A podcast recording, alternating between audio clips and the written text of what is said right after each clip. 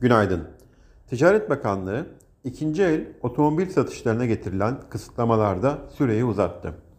Çin'in ihracatı Kasım ayında yıllık %0.5 artış göstererek Ekim'deki %6.4'lük düşüşün tersine döndü ve ekonomistlerin %1.1'lik düşüş beklentilerini aştı.